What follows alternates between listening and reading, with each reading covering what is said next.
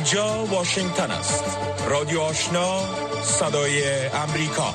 سلام و صبح بخیر. فوزی احسان هستم و با همکارانم برنامه خبری امروز جمعه چهارم ماه اود را از استادیوی صدای امریکا در واشنگتن دی سی پیشکش می‌کنیم. اما قبل از اینکه به نشر گزارش های این ساعت بپردازیم همکارم لیلما حبیب عظیمی اخبار این ساعت را پیشکش می کند سلام و وقت بخیر مشروع خبرها. مقام های طالبان در غزنی می گویند دیروز دو تن به جرم قتل در میدان فوتبال منطقه علی لالا در محضر عام اعدام شدند. ستر محکمه طالبان دیروز 22 فوریه در اعلامیه گفته است که تصمیم قصاص این افراد بر اساس حکم سه محکمه و فرمان ملاحبت الله آخونزاده رهبر طالبان صورت گرفته است. ریاست اطلاعات و فرهنگ ولایت غزنی چهارشنبه 21 فوریه در اعلامیه از مردم خواسته بود که از بردن وسایل الکترونیکی به محل تطبیق حکم اعدام خودداری کنند.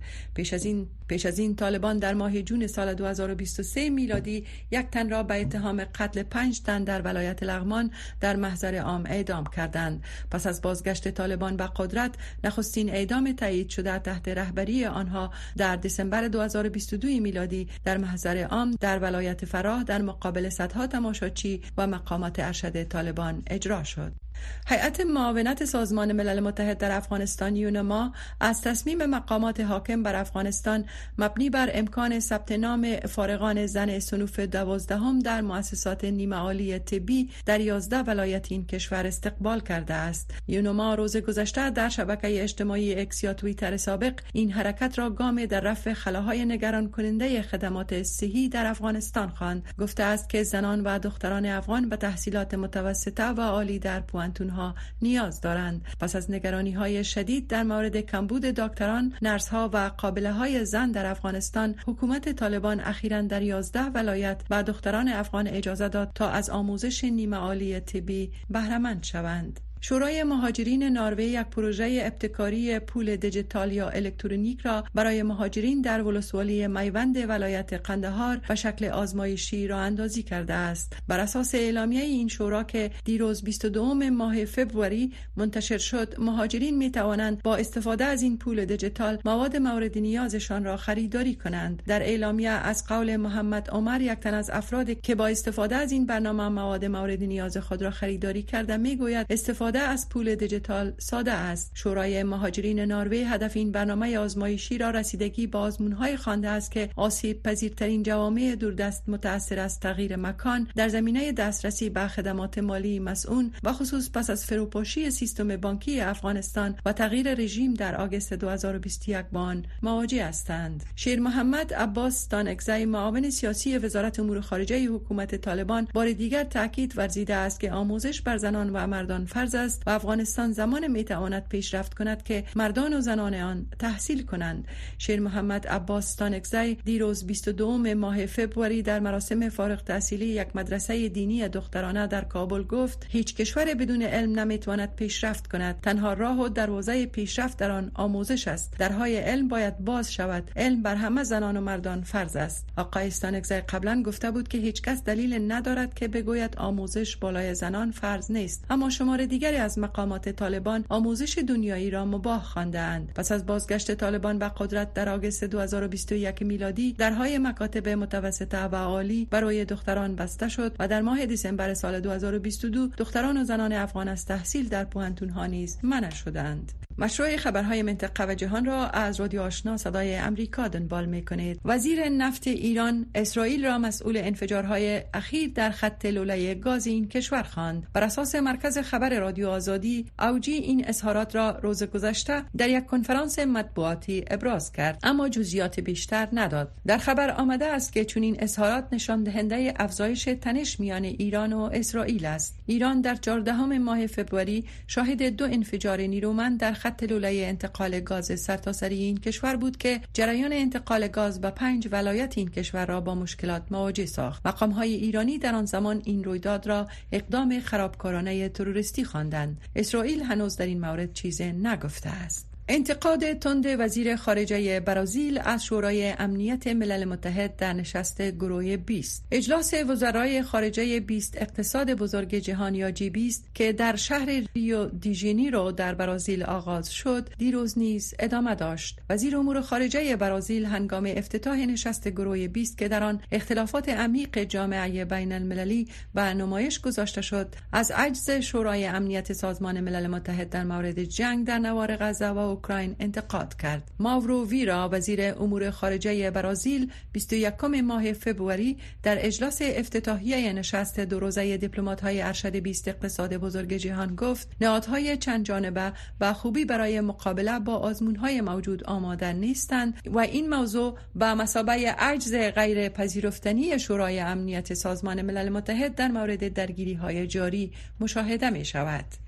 ایالات متحده امریکا در حالی که گزارش ها از تحویل چندین محموله راکت های باستیک از ایران به روسیه خبر می دهند همکاری نظامی میان تهران و مسکو را قابل نگرانی می داند خبرگزاری رویترز چهارشنبه گزارش داد که ایران از ماه جنوری بدین سو در چهار محموله صدها راکت به روسیه داده و از قول یک مقام ایرانی که نخواستن نامش تذکر رود در چند هفته آینده محموله های دیگری نیز سپرده خواهد شد. در حالی که مقامات اوکراینی و غربی هنوز علنا گزارش رویترز را تایید نکردند. این تحول با هشدارهای ایالات متحده امریکا مطابقت دارد. یک سخنگوی وزارت خارجه امریکا به رادیو آزادی گفته است که اگرچه آنها نمی‌خواهند که درباره این گزارش مستقیما ابراز نظر کنند افزایش همکاری نظامی ایران و روسیه و گفته وی چیزی است که باید تمام جهان را نگران سازد. پایان مشروع خبرهای افغانستان جهان تا این ساعت از رادیو آشنا صدای امریکا.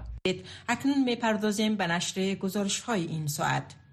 به گفته عبدالفتاح السیسی رئیس جمهور مصر پس از کم شدن عایدات استراتژیک ترین دارایی این کشور کانال سویس که تقریبا به نصف کاهش یافت اقتصاد مصر با موانع جدی روبرو است. حملات گروه شبه نظامی حوسی طرفدار ایران به کشتی های عبوری از یمن باعث شده تا کشتی های تجارتی از بهیره احمر و کانال سوئیس نیز دوری کنند. ادوارد یرانیان گزارشی از قاهره دارد که برگردان آن را عبدل واجد عادل به توجه می رساند. کشتی غلات سی چمپیون با پرچم یونان روز چهارشنبه توسط دو میزایل بالستیک شلیک شده توسط گروه حوسی مستقر در شمال یمن که می‌گوید در همبستگی با شب نظامیان حماس در حال مبارزه با اسرائیل با کشتی های غربی حمله می کند آسیب جزی دید. به دلیل چنین حملات بسیاری از کشتی هایی که معمولا از یمن عبور می کنند به سمت کانال سویز یا از کانال سویز می روند اکنون از منطقه دوری می کنند و مسیر طولانی تری را در اطراف شاخ افریقا در پیش می گیرند. به گفته عبدالفتاح السیسی رئیس جمهور مصر این به شدت درآمدی را که مصر معمولا از کشتی هایی که از کانال عبور می کنند دریافت می کند کاهش داده است. عبدالفتاح السیسی میگوید مصر یعنی کرونا مصر به مدت دو سال تحت تاثیر ویروس کووید 19 قرار گرفت و ضربه بزرگ به اقتصاد مصر وارد کرد سپس مناقشه روسیه و اوکراین به آن إضافة شد. مسائل اقتصادی و اکنون تقریبا در تمام سرحدات مصر با لیبیا، سودان و اکنون غزة تحت فشار قرار گرفته است. السیسی می‌گوید که مصر شاهد کاهش درآمد حاصل از این آبراه حیاتی است که حدود 10 میلیارد دلار در سال است ولی اکنون کاهش تقریبا 40 تا 50 فیصدی به همراه داشته است. سعید صادق استاد جامعه شناسی سیاسی در پانتون علم و سنت مصر ژاپن در اسکندریا می‌گوید که مصر تنها کشوری نیست که از تعداد کمتری کشتی هایی که از کانال سویز عبور می کند تحت تاثیر قرار گرفته است. او می‌گوید اگر درگیری ادامه یابد زنجیرهای تأمین در سراسر جهان تحت تاثیر قرار خواهد گرفت به طور خاص که بسیاری از محموله هایی که از این کانال عبور می کنند کشتی های نفت و گاز هستند که به سمت اروپا می روند و این امر اقتصاد اروپا را دچار مشکل زیاد خواهد کرد. جاشوا لندیس که سرپرستی برنامه مطالعات شرقی میانه در پانتون اوکلاهوما را بر عهده دارد به صدای امریکا می‌گوید که جنگ در غزه بر بسیاری از خطوط کشتیرانی شرقی میانه تاثیر گذاشته است علاوه بر این که منازع بهیره احمر بر کشتیرانی جهان نیز تاثیر داشته است. این امر جنگ بین ایران و امریکا را تشدید کرده است. خشونت را در کشورهای مانند عراق و سوریه در امتداد سرحداتی که به بنبست تبدیل شده بودند افزایش داده است. این بی‌ثباتی را از یک سر شرق میانه به آن سوی دیگر افزایش داده است. لندیس می گوید که ایران که بسیاری از شبه نظامیان نیابتی را که در زوای دور از درگیری غزه شرکت می کنند کنترل می کند و امریکا را نه تنها با حوسی های یمن بلکه همچنین با شبه نظامیان شیعه در عراق و سوریه به درگیری می کشاند. پال سولیوان تحلیلگر انرژی در شورای اتلانتیک مستقر در واشنگتن هشدار می‌دهد که هیچ حملات هوایی تلافی جویانه ایالات متحده و انگلیس علیه حوسی ها آنها را از ادامه حملات باز نمی دارد او می گوید که این ممکن است نشان دهنده این باشد که آنها منابع مالی، آموزش و تسلیحات بیشتر نسبت به آنچه قبلا شناخته شده بود دارند. رادیو آشنا صدای امریکا منبع موثق خبرها و گزارش های جهان و افغانستان. همزمان با ادامه عملیات هوایی و زمینی اسرائیل بر باریکه غزه یک مقام اسرائیلی گفته است که تلاش های جدید برای رسیدن به یک توافق آتش بس با گروه حماس جریان دارد. پس از ایجاد بنبست هفته گذشته در تلاش ها برای برقراری آتش بس در غزه این نخستین بار است که یک مقام اسرائیلی در مورد تلاش های جدید اشاره می کند در این حال مقام های صحی غزه گفتند که در طول یک شبانه روز گذشته نزدیک به 100 نفر در این باریکه کشته شدند. جزیات بیشتر در این مورد را سعید عزیز رحمان پیشکش می کند ادامه عملیات نظامی اسرائیل در باریکه غزه. اردوی اسرائیل گفته است که به گسترش فعالیت خود در شمال غزه ادامه می دهد و عملیاتشان در خانیونس شهر جنوبی غزه نیز جریان دارد. در این حال بن گنتس یک عضو کابینه نظامی اسرائیل گفته است که تلاش های جدید برای رسیدن به یک توافق آتش بس با گروه حماس جریان دارد.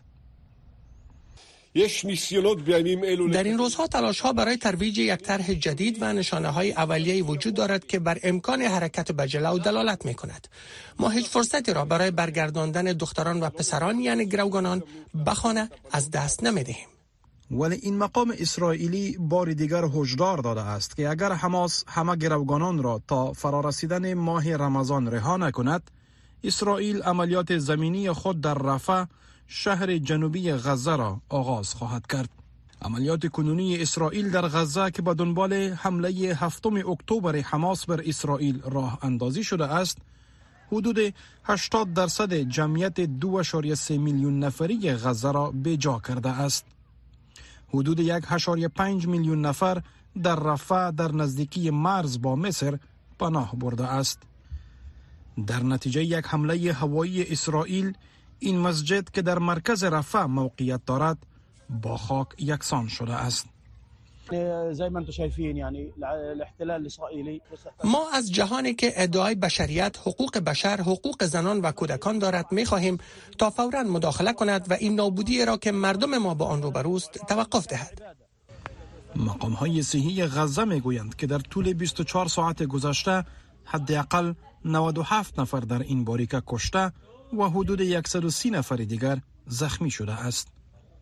ادامه جنگ در غزه علاوه بر این که فعالیت گروه های نیابتی ایران در منطقه را تشدید بخشیده است موجب ازدیاد خشونت ها در کرانه غربی رود اردن نیز شده است با گفته پلیس روز پنجشنبه در نتیجه شلیک سه مهاجم در نزدیکی یک پوسته در کرانه غربی یک اسرائیلی کشته و حداقل هشت نفر دیگر زخمی شده است. پلیس گفته است که دو مهاجم کشته شده و مهاجم سیومی دستگیر شده است. رادیو آشنا صدای امریکا. پنج تا هفت صبح و هفت شام تا ده شب.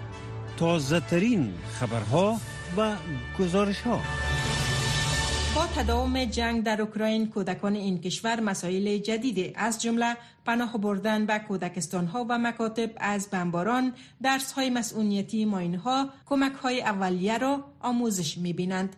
در این گزارش صدای امریکا نظری به چگونگی تاثیرات جنگ بر جوانترین اوکراینی ها انداخته شده است که آن را رویا زمانی پیشکش می کند. درس های جدید زندگی برای برخ از جوانترین شاگردان اوکراینی این شاگردان در شهر ایرپین فقط سه و چهار ساله هستند و هر هفته آنان درس های ویژه امنیتی را می آموزند. من به بچه ها توضیح می دهم که اگر چیزی را روی زمین می بینند هرگز آن را بر ندارند. حتی اگر اسباب بازی یا شیرینی هم باشد. زیرا می تواند یک ماین باشد.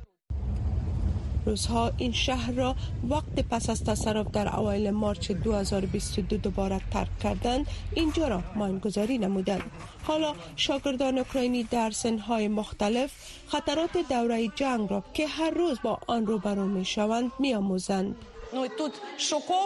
صادقانه بگویم خیلی سخت است که در مورد این چیزها به بچه ها بگویم اما می‌دانیم که باید این کار را انجام دهیم. ما بازی ها کتاب ها میماری های مربوط به ماین ها نارنجک ها و انفجارها را در اینجا درس می دهیم یونسف مواد درسی حفاظتی را برای کودکان سنف اول و کودکستان در سراسر اوکراین فراهم می کند.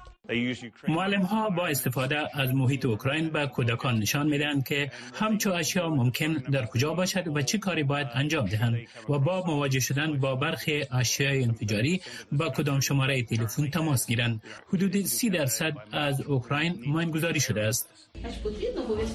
و شاگردان در این مکتب شهر کیف کمک های اولیه و شماره تماس در صورت که کدام شای مشکوک را ببینند آموزش داده می شود وینا це коли одна країна хоче забрати جنگ زمانی رخ می دهد که یک کشور می خواهد خاک یک کشور دیگر را تصرف کند روزها بم پرتاب می کنند و خودشان در موتورهای زیرهی می روند با این حال یونیسف گزارش می دهد که 7 میلیون کودک در اوکراین هنوز دسترسی مستقیم با آموزش حضوری ندارند و حدود یک اشاره 5 میلیون کودک دیگر دارای مشکلات روانی می باشند که نیاز به مداخله و رسیدگی مسلکی دارند. رادیو آشنا صدای امریکا هفت روز هفته خبر و گزارش ها و تحلیل های خبری روز. تحلیلگران اقتصادی می‌گویند برگشت بیروی مهاجرین از ایران و پاکستان به افغانستان بدون تدابیر سنجیده شده می تواند منجر به فاجعه انسانی در این کشور شود. آزرخش حافظی تحلیلگر اقتصادی افغانستان در مصاحبه با من فوزی احسان گفت که افغانستان منابع کافی برای رسیدگی به این مشکل دارد اما در نبود یک حکومت مشروع و آری از فساد و طرحها و تدابیر سنجیده شده امکان استفاده از امکانات افغانستان برای رسیدگی به این چالش وجود ندارد توجه کنید به این مصاحبه. به نظر شما برگشت مهاجرین به یک کشور مثل افغانستان در حالت اقتصادی که افغانستان داره چی تبعاتی داره؟ افغانستان در بدترین حالت معیشتی و اقتصادی قرار داره. تقریبا 35 درصد تولید ناخالص داخلی افغانستان بعد از تغییر سیاسی که در افغانستان آمد کاهش یافته. میزان بیکاری زیادتر شده متناسب با او فقر و بیچارگی مردم زیاد شده علاوه به او دو عامل دیگه است که سبب تشدید فقر میشه یکی عودت مهاجرین در طی دو, دو سال گذشته در حدود دو میلیون مهاجر از افغانستان برگشتانده شدن. مهاجری که سالهای دراز در پاکستان بودن فقط در چهار ماه گذشته با اساس احصایه هایی که وجود داره حدود 504 هزار نفر برگشته به افغانستان. و به این تعداد از ایران هم روزانه حساب کنیم پرشدگی از طول سال شاید 500 هزار از ایران آمده باشه. به این ترتیب یک میلیون نفر دیگه به فقرا و بیکارا و مردمایی که قدرت خرید ندارن اضافه شده. علاوه او هر سال در حدود 800 تا یک میلیون نفر به جمعیت افغانستان افزوده میشه. و بر از این مردم هیچ تدابیر وجود نداره. خدمات صحی نیست خدمات آموزشی نیست. امکان معیشت درست و تغذیه سرپناه و لباس نیست. ورود بیروی مهاجرین بدون از اینکه سنجیده شود امکانات مملکت این خودش یک فاجعه کلان است و فقر مضاعف می‌کنه و اضافه می‌کنه به نظر شما راه حل به این مشکل وجود داره اگه داره چیست؟ ولی وقتی که هندوستان با 1429 میلیون جمعیت می‌تونه به مردم نان تهیه بکنه و چین با همین حدود می‌تونه به مردم با سرزمین هایی که دارن متناسب با نفوسی که ما در وطن داریم سرزمین های از با تناسب نفوسشان کوچکتر است. ما هم می‌تونیم تا مؤلفه های رشد اقتصادی را داریم. مثلا افغانستان دارای منابع طبیعی فراوان است معادن سرشار داره زمین هایی داره که اگر اونا آباد شود. مثلا بکر بایر است به خاطر بعد از عملی چنگیز این زمین ها کلش هم می‌تونه که بر رشد زراعت و در مجموع برای بیبود معیشت مردم و تامین رفاه و سعادت برای مردم مفید باشه. آبای سرگردانی داریم که می‌تونه هایدرو پاور یا انرژی برق تولید شود.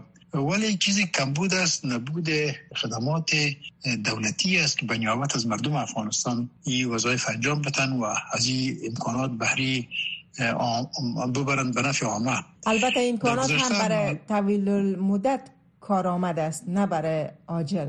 برای عاجل هم هست به خاطر از اینکه افغانستان پر از امکانات است. ما ده دو نشته که حاصل تجربه و موقعی توری که ما بوده. دو کتاب یکیش به نام مؤلفه های رشد اقتصادی در افغانستان و دیگیش امکان ایجاد یک میلیون جای کار در کوتاه مدت. کار دائمی البته تو کار موقت نی این ما ارزیابی کردیم دیدیم تجربه عملی ما در وقت که رئیس اتاق بودم و رئیس اتاق های کو رئیس سارک کوچری سارک بودم.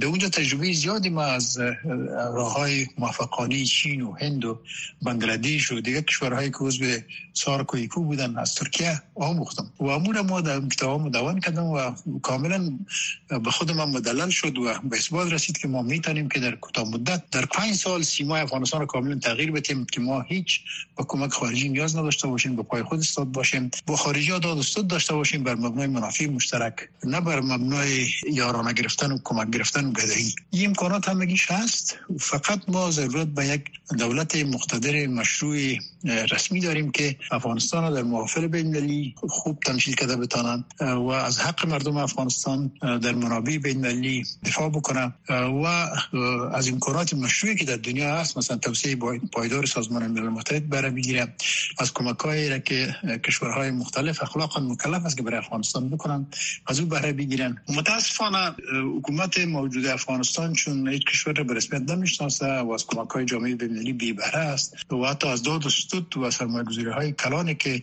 شرکت های بزرگ مربوط به کشورهای مقتدر در افغانستان بکنه بی بهره است. به این اساس متکی به عواید داخلی و مواجه با اقتصاد ریاضتی است. رادیو آشنا صدای امریکا. پنج تا هفت صبح و هفت شام تا ده شب. تازه ترین خبرها و گزارش ها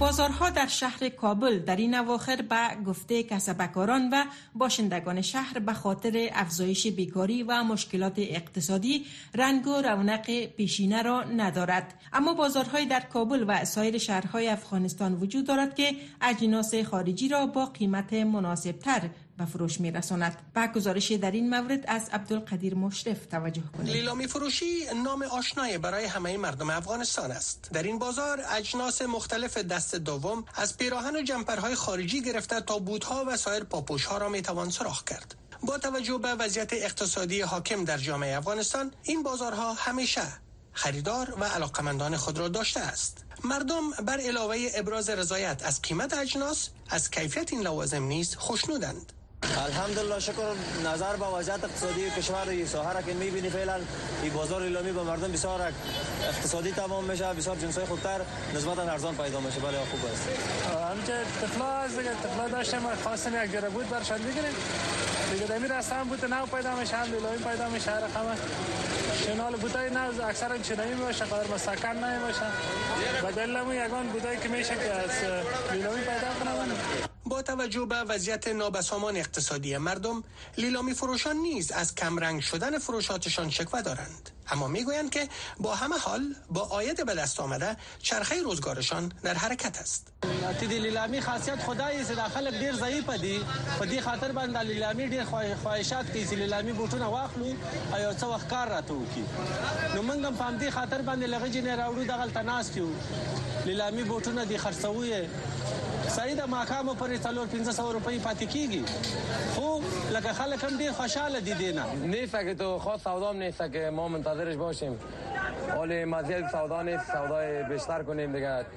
گزاره میشم و مصرف خانه و دیگه کرای دکان و شاگرد دیگه و دیگه نمیبره این در حالی است که سازمان ملل متحد اخیرا با توجه به بحران اقتصادی در افغانستان و نیازمندی های بشری در این کشور گفت که برای کمک های بشری به افغان های نیازمند در سال 2024 میلادی به 3 میلیارد دلار پول نیاز است. این سازمان هشدار داده است که نیازمندی های بشری در افغانستان در سال روان میلادی همچنان در سطح بالا باقی خواهد ماند. هفت روز هفته با رادیو آشنا صدای امریکا.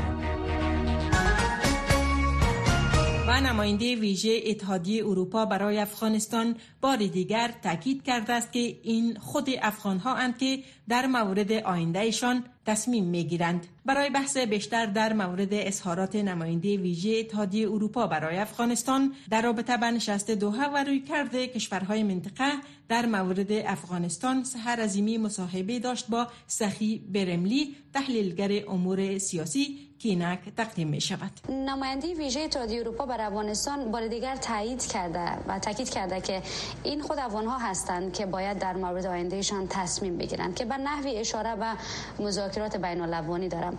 با توجه به وضعیت کنونی های طالبان حاضر اصلا هستند با مذاکره با مخالفانشان؟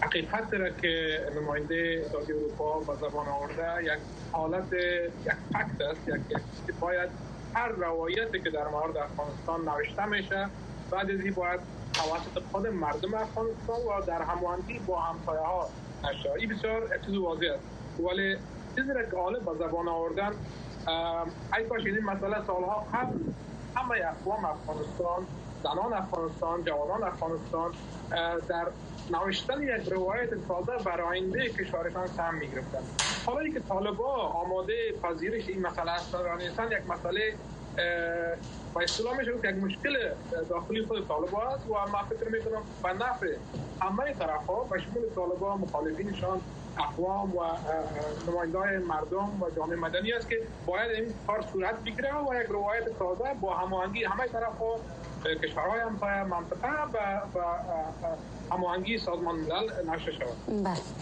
تامس نیکلسن به نحوی از عدم حضور افغانهای بیشتر در نشست دو هم انتقاد کرده. به نظر شما در عدم حضور طالبان و مخالفان این گروه چه, چه نظامی هستند چه سیاسی هستند؟ در همچون نشست, نشست آیا می توان روی موضوعات سرنوشت ساز بر افغانستان تصمیم گرفت؟ ببینید این دقیق است که همه طرف های داخل در قضای افغانستان در این جلسه متاسفانه شرکت نداشت. ما بسیار مثلا یاد می‌کنم از اقلیت های قومی ترکمن ها ازبک ها و دیگه دیگه سادات و دیگه اقوامی که باید در این جلسه تمثیل می‌شدن به نوع نماینده میفرستادن. زنانی که عملا در ساحه مبارزه و مجادله می‌کنن نماینده از و کجاست؟ و دیگه اقشار جامعه نماینده نداشتن و افرادی هم که تا این شد تا آخرین روز بسیار سری نگه داشته شد. نمیفهم دلیلش چی بود؟